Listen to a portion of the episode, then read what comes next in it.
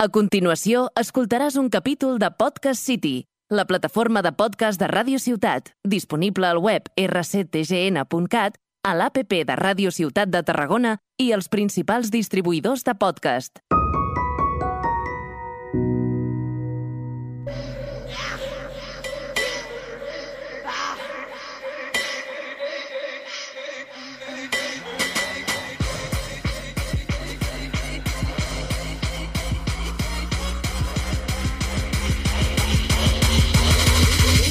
Hija de la ira. Comando Hum, servicio a domicilio.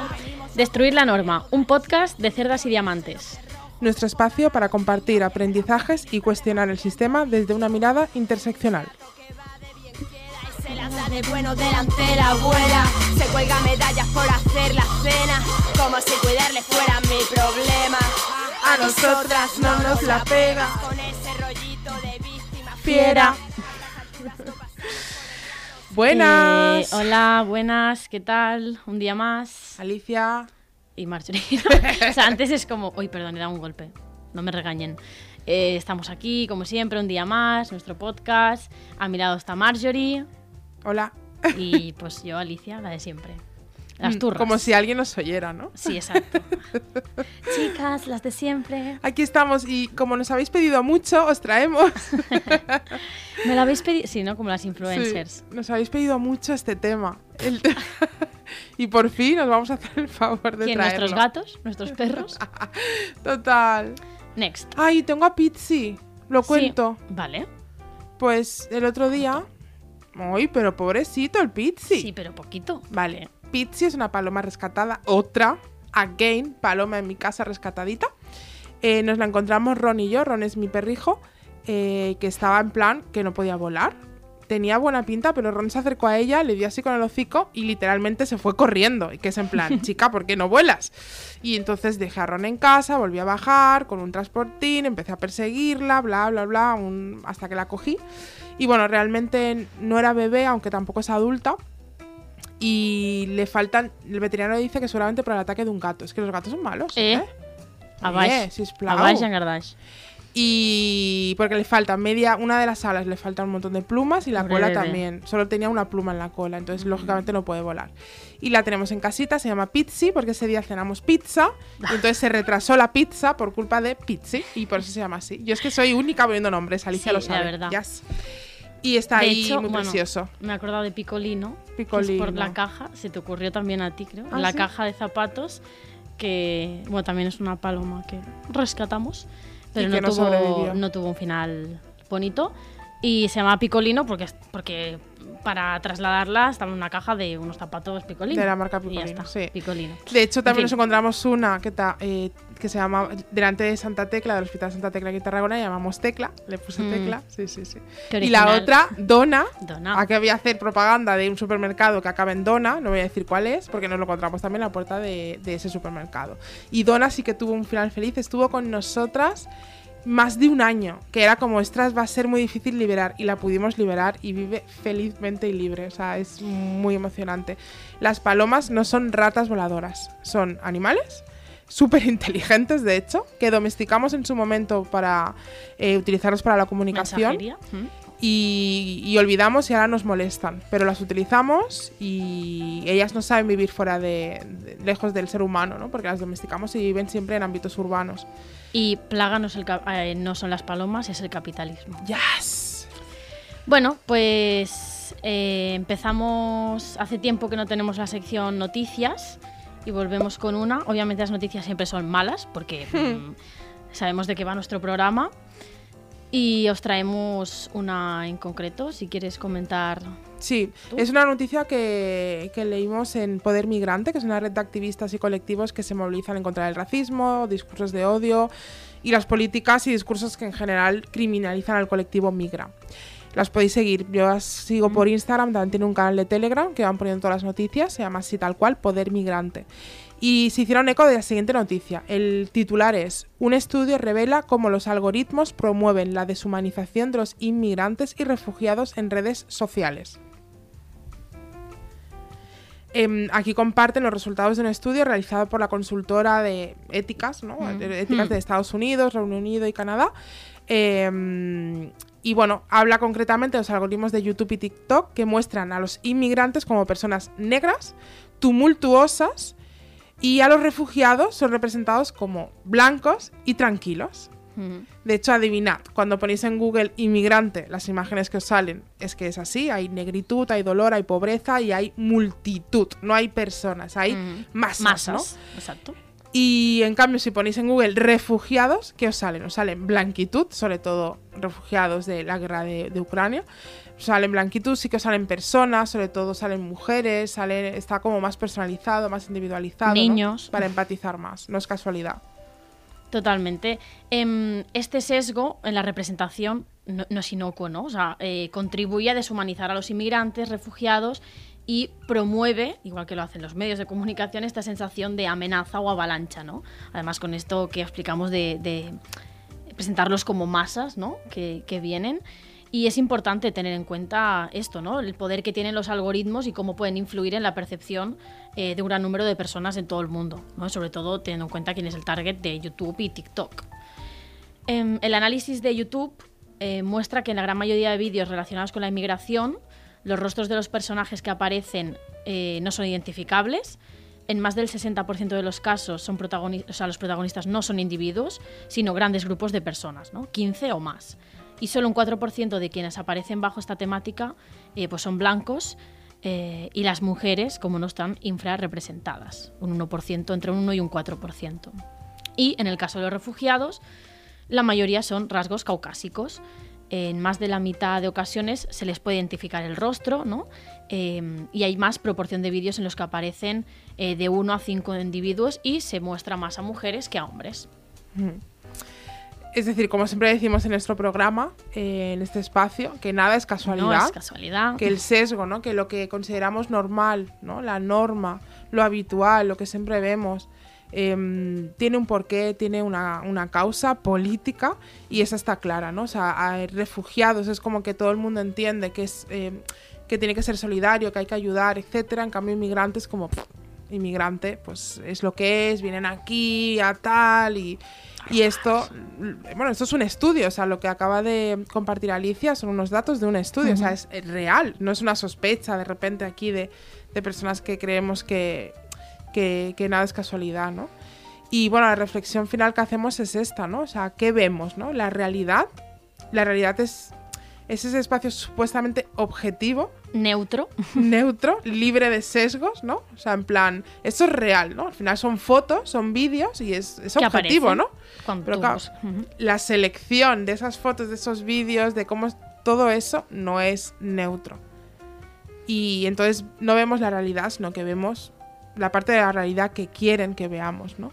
Y es fundamental el papel de los medios de comunicación mm, en este sentido, ¿no? Porque eh, generan Mm. pensamiento, ¿no? O sea, al 100%, final tiene 100%. muchísima influencia. Sí, de hecho a veces yo creo que hemos comentado varias veces, pero yo recuerdo no hace mucho que leí una misma noticia, según qué medio lo publique, Claro. es que parece que sean noticias diferentes. Mm. O sea, cosas que en, en torno, por ejemplo, a la violencia machista. O sea, que un medio diga, aparece una mujer muerta en su casa, dices, ah, vale. Y otro medio, una mujer asesinada a manos de su pareja. O sea, es la misma noticia y lo que tú lees, lo que tú Percibes, interpretas, mm. percibes y, y con al final lo que te quedas, eh, es que no tiene nada que ver. Es que no tiene nada que ver. Entonces, Donde poner el foco es esencial. Sí, sí, o sea, el periodismo no es nada objetivo, porque nada es objetivo. Y, mm, y según el medio, quien paga ese medio, pues se- se sabe por dónde van los tiros, ¿no? Ups. Así que nada, eh, os dejamos esto por aquí, esta reflexión, y si quieres vamos al tema del día, que hoy os traemos un poquito de, de basura. Sí, basura. Basura. Pero antes, no sin antes poner un poco de musiquita Sí. eh, para animarnos.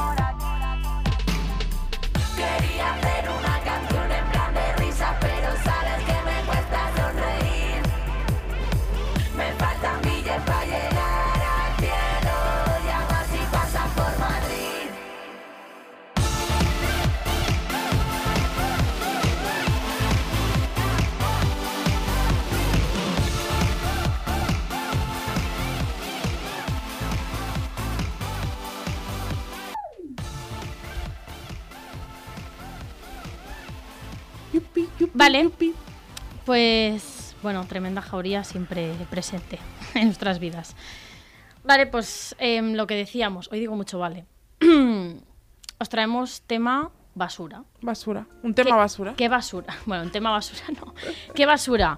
Pues la tele basura, la comida basura, la música basura, todo ese rollo, ¿no? Expliquemos un poquito. Sí, de hecho, si decimos ahora mismo, nos estáis escuchando, decimos telebasura, ¿qué se os viene a la cabeza? Mm, Sálvame, por ejemplo. Un documental, seguro que no. De hecho, esta semana, hace muy pocos días, han anunciado que cierra Sálvame. Baja la persiana, los echan y supongo que todas sabéis, creo, lo que es Sálvame, ¿no? Es un programa de televisión, de la televisión de toda la vida, el, aparato este que está en casa, que hay mucha gente que ya no lo usa, pero, pero bueno, es un programa de televisión clásica que comenta cuestiones de actualidad dentro de lo que es el mundo del corazón, ¿no? Yo creo que es muy conocido, ¿no? Y mm, este programa, como muchos otros de la prensa del corazón, hablan de cotilleos, de dramas, amoríos, de una manera divertida, estridente, eh, enrevesada, es casi como una telenovela, ¿no? Y mm, tiene un poco ese, ese mood, ¿no? De telenovela, que al final son como varios capítulos. De hecho, Sálvame, concretamente, es un programa que lleva 14 años en la antena, es diario, 4 o 5 horas por la tarde, o sea, es, pues sí, ¿no? Casi como una telenovela, ¿no? Y... mm, ¿Por qué se le llama telebasura? ¿no? Es porque está considerado pues algo que es, digamos, de mala calidad, una bazofia, ¿no? Algo que es indigno prácticamente, ¿no? Junto con los reality shows, ¿no? Podríamos meter también los reality shows en lo que es la telebasura, que son, pero son los programas más vistos de la televisión. Pero nadie Eh, los ve. No, pero nadie los ve, ¿no? Eh, por ejemplo, Gran Hermano 1, ese gran, gran Hermano 1, lo veía una media de 8 millones de personas que aquí en España. O sea, es una barbaridad. Pero es una barbaridad. Recuerdo que la final de Gran Hermano 1, a lo mejor tú no ni habías nacido, Alicia. Sí, hombre, yo creo que sí. bueno, por No los lo pelos. Eh, lo vieron casi 10 millones de personas. O sea, estamos hablando que es algo que ha llegado y llega a muchas personas esto, ¿no? ¿Y quién ve este tipo de tele? Lo que decía ahora Alicia, si preguntamos nadie lo ve, pero todo el mundo lo conoce. Todo el mundo conoce a Gran Hermano, todo el mundo más o menos sabe, ¿no? Las tramas y Sálvame, etcétera, ¿no? Y Sálvame lleva muchos años y la media de audiencia más o menos está en torno al mm, un millón y medio, dos millones de espectadores, ¿no? Que es muchísimo, ¿no? Y no vamos a entrar a valorar em, si lo que hacen es bueno, mejor, peor, si es digno o no es digno, ¿no? Pero sí que queremos traer la reflexión de por qué algo que consume una gran mayoría lo demonizamos y, y le ponemos un valor. Y es un valor eh, que además me recuerda un poquito a cuando os trajimos aquí el tema del binarismo. Eh, ¿Os acordáis del sistema binario, las columnas, ¿no? Que decíamos hombre, mujer, mm, humano, animal, ¿no? Todo esto cuando lo hablamos, las columnas también tenían diferente valor social, ¿no? Y esa configuración desigual de estos conceptos era en lo que se apoyaban los sistemas de opresión para justificar, legitimar justamente la, la desigualdad, ¿no? Entonces es un poco lo mismo, ¿no? La, televisa- la telebasura no es entendida como algo de mala calidad técnica. Es más profundo. Porque cuando decimos algo que es basura es como, "Uf, está mal hecho. Pero nadie utiliza telebasura como que está mal hecho. Como que, no lo sé, las cámaras eh, graban mal. O los técnicos me explicó la luz. O, no es algo técnico, ¿no? Es algo más profundo, ¿no? Es bajo mal- valor moral. Es entendido como indigno, como gente tonta. La que lo Tontos, hace Borregas. ¿no? borregos, o sea, tanto lo que lo hace como las que lo ven, ¿no? Y en según qué contextos es vergonzante reconocer que te gusta este tipo de televisión y por eso lo que decíamos, nadie lo ve y nada, eh, bueno, sí, o sea, todo el mundo lo demoniza pero nadie lo ve. Entonces es como curioso, ¿no? Las reflexiones en plan, eh, queda muchísimo mejor decir que ves pelis de versión original, cine de autor, documentales, porque eso te da cierta categoría y te acerca más a ese ilusorio espacio de la clase media, eh, clase media alta, ¿no? Siempre aspiramos media alta, ¿no? Un poquito más, un poquito Rascamos más. ahí. Es rascamos, rascamos, ¿no? Siempre vamos hacia ese, ese relato, ¿no? De- del éxito y de ir siempre un poquito más allá y esa clase media y lo que hablábamos en el capítulo anterior. Amiga, date cuenta, la clase media son los padres y todo lo demás es clasismo. Eh, dilo. Aparte de la telebasura, ¿no? Que es lo que a lo mejor más eh, se oye, podemos encontrar, luego hablaremos de comida basura, que también se oye bastante, pero música basura, ¿no? No se dice así Mm. junto, pero sí, pensamos en música basura, ¿qué nos viene a la cabeza? el reggaetón, ¿no? Por ejemplo, eh, precisamente aludiendo a eso de mala calidad. Em, siempre se acusa eh, a la música latina, reggaetón, salsa, bachata, ¿no? De ser machista, eh, que si las letras son machistas, que hipersexualizan a la mujer, que los bailes son demasiado obscenos. Y casualmente es algo que solo pasa con el reggaetón. ¿No? Mm. O sea, Pero es casualidad. música- Claro, por supuesto, es casualidad. Es casualidad que consideremos justamente machista y de poca calidad a la música eh, con orígenes negros y latinos. ¿Es casualidad Sí. eso? ¿Eso no es un poco racista? No. No, no es racista. Em, la música, igual que cualquier otro producto cultural en una sociedad y sistema en el que vivimos, que es capitalista, patriarcal, heteronormativo, pues es exactamente así. Pero no La solo el reggaetón, ¿no? O sea, aquí, allí, en cualquier mm, puñetero lugar, y no solo el reggaetón, sino el rock, el punk, hola, el punk machista, hello, o sea, no sé, ¿no? O sea, em, es evidente, pero siempre señalamos hacia afuera, ¿no? Para separarnos otra vez, ¿no? Lo que ya comentábamos también en muchas ocasiones de lo que hacen ellos, ¿no? Los otros son machistas, su música es machista, eh, nos queremos separar de eso y ya sabemos, como hemos dicho, que separar siempre lo de fuera y mirarse poco lo de dentro es bastante, pues, racista.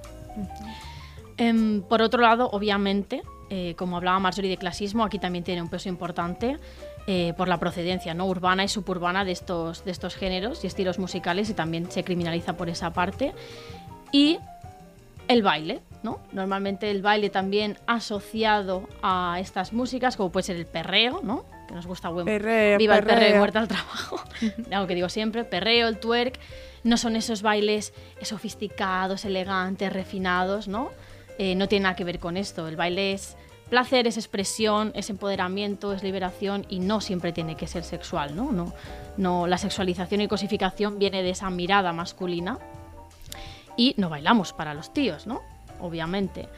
Eh, vivimos en un mundo que castiga, ¿no? Y como personas, a más yo le gusta mucho bailar, que castiga, bueno, sí, a mí sí, pero en mi casa, en mi habitación. Bueno. Eh, es un mundo que castiga y estigmatiza ¿no? precisamente ese empoderamiento ¿no? al bailar de los cuerpos y sobre todo de las mujeres y disidencias. Entonces cuando ven bailes como el reggaetón o el twerk, que es, oh my god, ¿no? las manos en la cabeza y cómo pueden hacer, ¿no? ahí con unos buenos culos, unas buenas tetas, ¿no? cómo pueden estar haciendo pego. eso. Y dale que te peo el perreo y rozando, rozando. Rozando, o sea, tal cual. Entonces aquí... Perrea, pelea. Exacto. Hablamos un poco del baile porque también tiene mucha relación, eh, pero en sí lo que queríamos destacar es este clasismo y racismo que también hay al hablar de música basura, considerada también de poca calidad y que escuchan eh, y que se hace en otros países, ¿no? Que aquí no tenemos nada que ver cuando hay mil canciones pop rock de los años mm, 70, 80 que dan puñetero asco, ¿no? Aquí en España. Sí.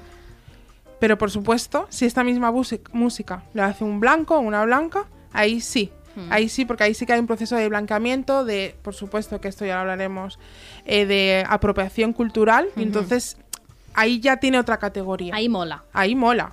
Ahí porque. hmm, moderno, ¿no? Es- Sí, sí, sí, son, ¡ay, nuevos ritmos! Eh, ¡Qué nuevos! Qué nuevos. Señora, sí, esto lleva, ¿no? Es ancestral, ¿no? De, de- de comunidades indígenas o de comunidades de Abdayala, etcétera, de, de- de sitios, pues eso, urbanos, urbanos que nacieron con un, un sentido político muy concreto, eh, que fueron subversivos en su momento y, como no, la industria de la música, el capitalismo y todo el sistema, pues lo apropia, lo blanquea y, y lo vende y, y todo estupendo, ¿no? Entonces, o sea, reflexionemos, ¿no? Porque él nos gusta lo que nos gusta, tampoco es casualidad, nos gusta lo que nos gusta por algo, por lo que también nos han vendido y cómo nos han vendido, como hablábamos antes de las noticias, ¿no? O sea, deconstruyamos también nuestro deseo, nuestros gustos y lo que hay detrás de todo lo que consumimos. Y ahí vamos también con el tema de la comida. Exacto. ¿A qué llamamos comida basura? Hamburguesas, pizzas, dulces, ¿no? La bollería, los donuts, es decir, ñam, totalmente, o sea, tengo hambre. Comida muy calórica, ¿no? Eh, sobre todo comida rápida, ¿no? Ultraprocesada. Pero ¿qué pasa? Que al ponerle basura, como pasa con la tele, le añadimos esa carga moral. Y es una carga que no deberían tener los alimentos. Los alimentos eh, no son buenos o malos en sí mismos, ¿no? Eh, tendríamos que decir son alimentos más o menos nutritivos, eso sí.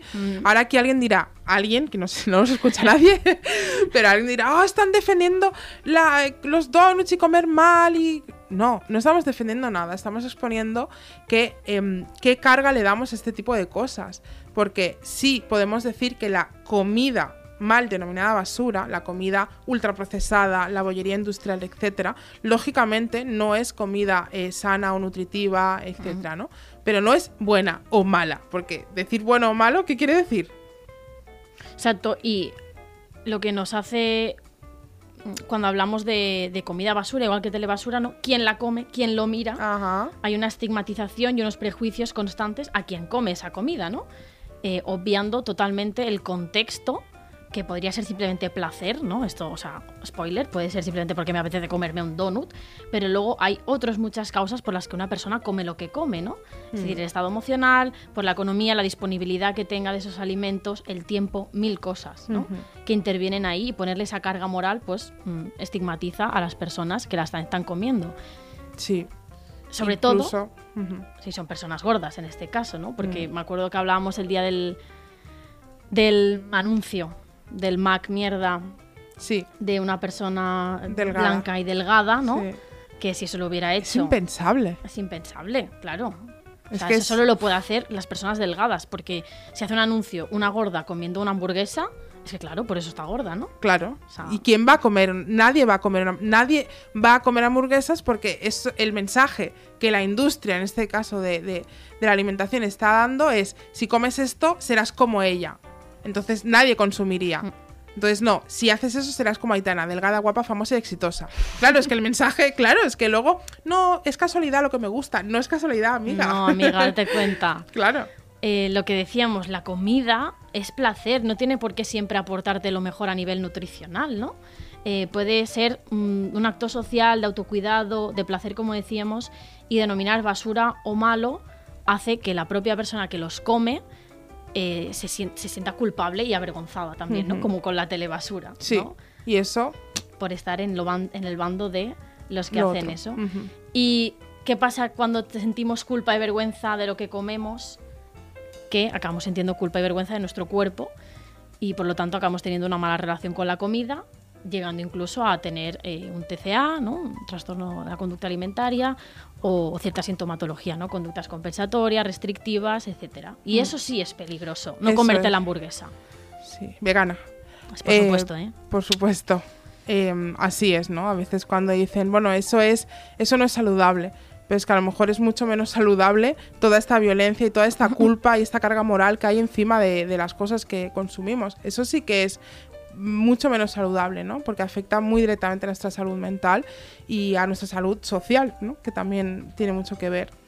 Y, y bueno, en todo esto que hemos hablado, ¿no? Cuando hablamos de basura, telebasura, comida basura, música basura, que vemos aquí, vemos esta carga moral, que ya lo hemos dicho, por supuesto, vemos clasismo, Totalmente. vemos muchas veces el racismo, sobre todo en la música, como decía Alicia, y, mm, y repetimos, cuando decimos que algo es una basura, en este tipo de cosas no nos referimos a que es de mala calidad, o mejor dicho, sí, de mala calidad, pero, Pero ¿qué una calidad, calidad? pero ¿qué calidad? Esa es la pregunta, exacto, Mm. ¿qué calidad? Calidad intelectual. Señalamos a quienes consumen este tipo de productos, ya sea televisión o música, em, en ese sentido, ¿no? Como borregos, ignorantes, incultos Incultos, sí. clase baja, ¿no? Volvemos a la de no son de mi clase, ¿no? Se usa este adjetivo y estamos despreciando a quienes lo consumen y, mm, como hemos comentado, para diferenciarnos de ellos. Ellos son vulgares, ellos son incultos, nosotros no, ¿no? Ellos son los otros. Volvemos a lo mismo, ese, ese espacio de la, de la Del otredad, margen ¿no? y del otro, sí, sí. De hecho, mm, mucha gente, sobre todo pasa con el reggaetón, pero De manera Mm, bastante bestia. Bastante más bestia, que ahí sí que ya es clasismo racismo, las dos cositas de la mano, em, que se usa la palabra odio.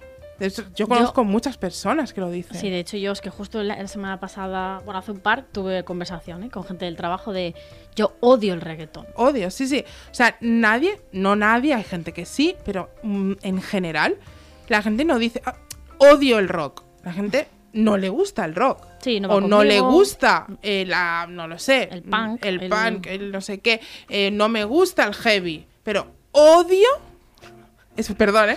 odio, solo lo dicen con el reggaetón y esto Sí. tiene un plus, Sí. esto tiene un porqué, ¿no? Y viene de lo que os hemos explicado. Tal cual.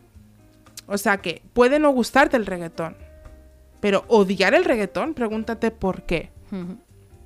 Puede que no te guste Sálvame, pero odiar Sálvame o este tipo o los reality shows, ¿por qué? ¿No? ¿Qué, hay, hay detrás? y, y de base para, para tener ese sentimiento. Mm. Y Tan es lo que siempre pretendemos aquí, invitaros a reflexionar, a deconstruir ese pensamiento, a, a que os incomode, porque muchos diréis, no, porque sálvame, es que, porque, o sea, porque te puede gustar o no gustar, pero de verdad, haceros esa pregunta, ¿por qué odiáis el reggaetón o por qué odiáis ese tipo de programas? Preguntároslo. Sí, y con esta pregunta Terminamos. os dejamos. Eh, ponemos una última canción. Vale. Podríamos haber puesto una de reggaetón, ¿a qué pienso? Ah, pues sí. Bueno, pues no la tenemos. el Pues cantamos. programa- Sí, hombre.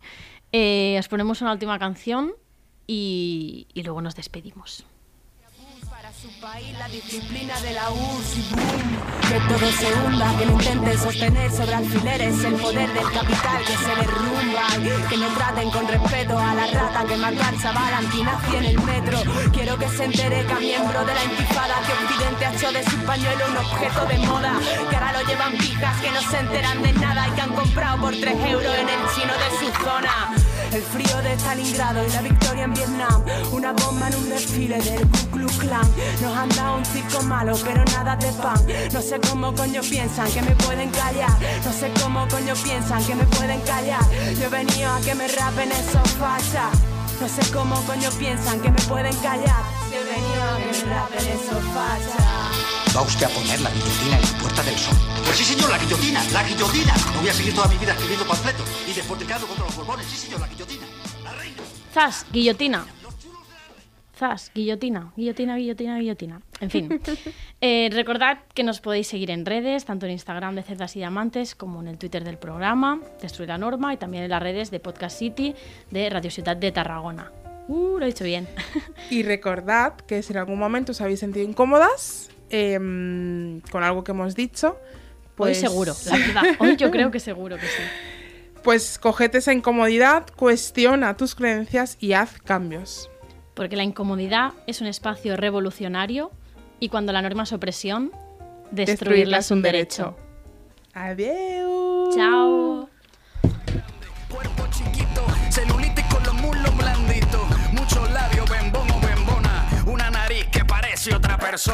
Aquí todos somos deformes y nos resistimos a usar uniformes. Lo más feo de la flor es el tallo, la belleza se alimenta de fallos. Como nos vemos curiosos, ponemos a los lindos nerviosos. Que toda la gente nos señale lo que no es igual, sobresale.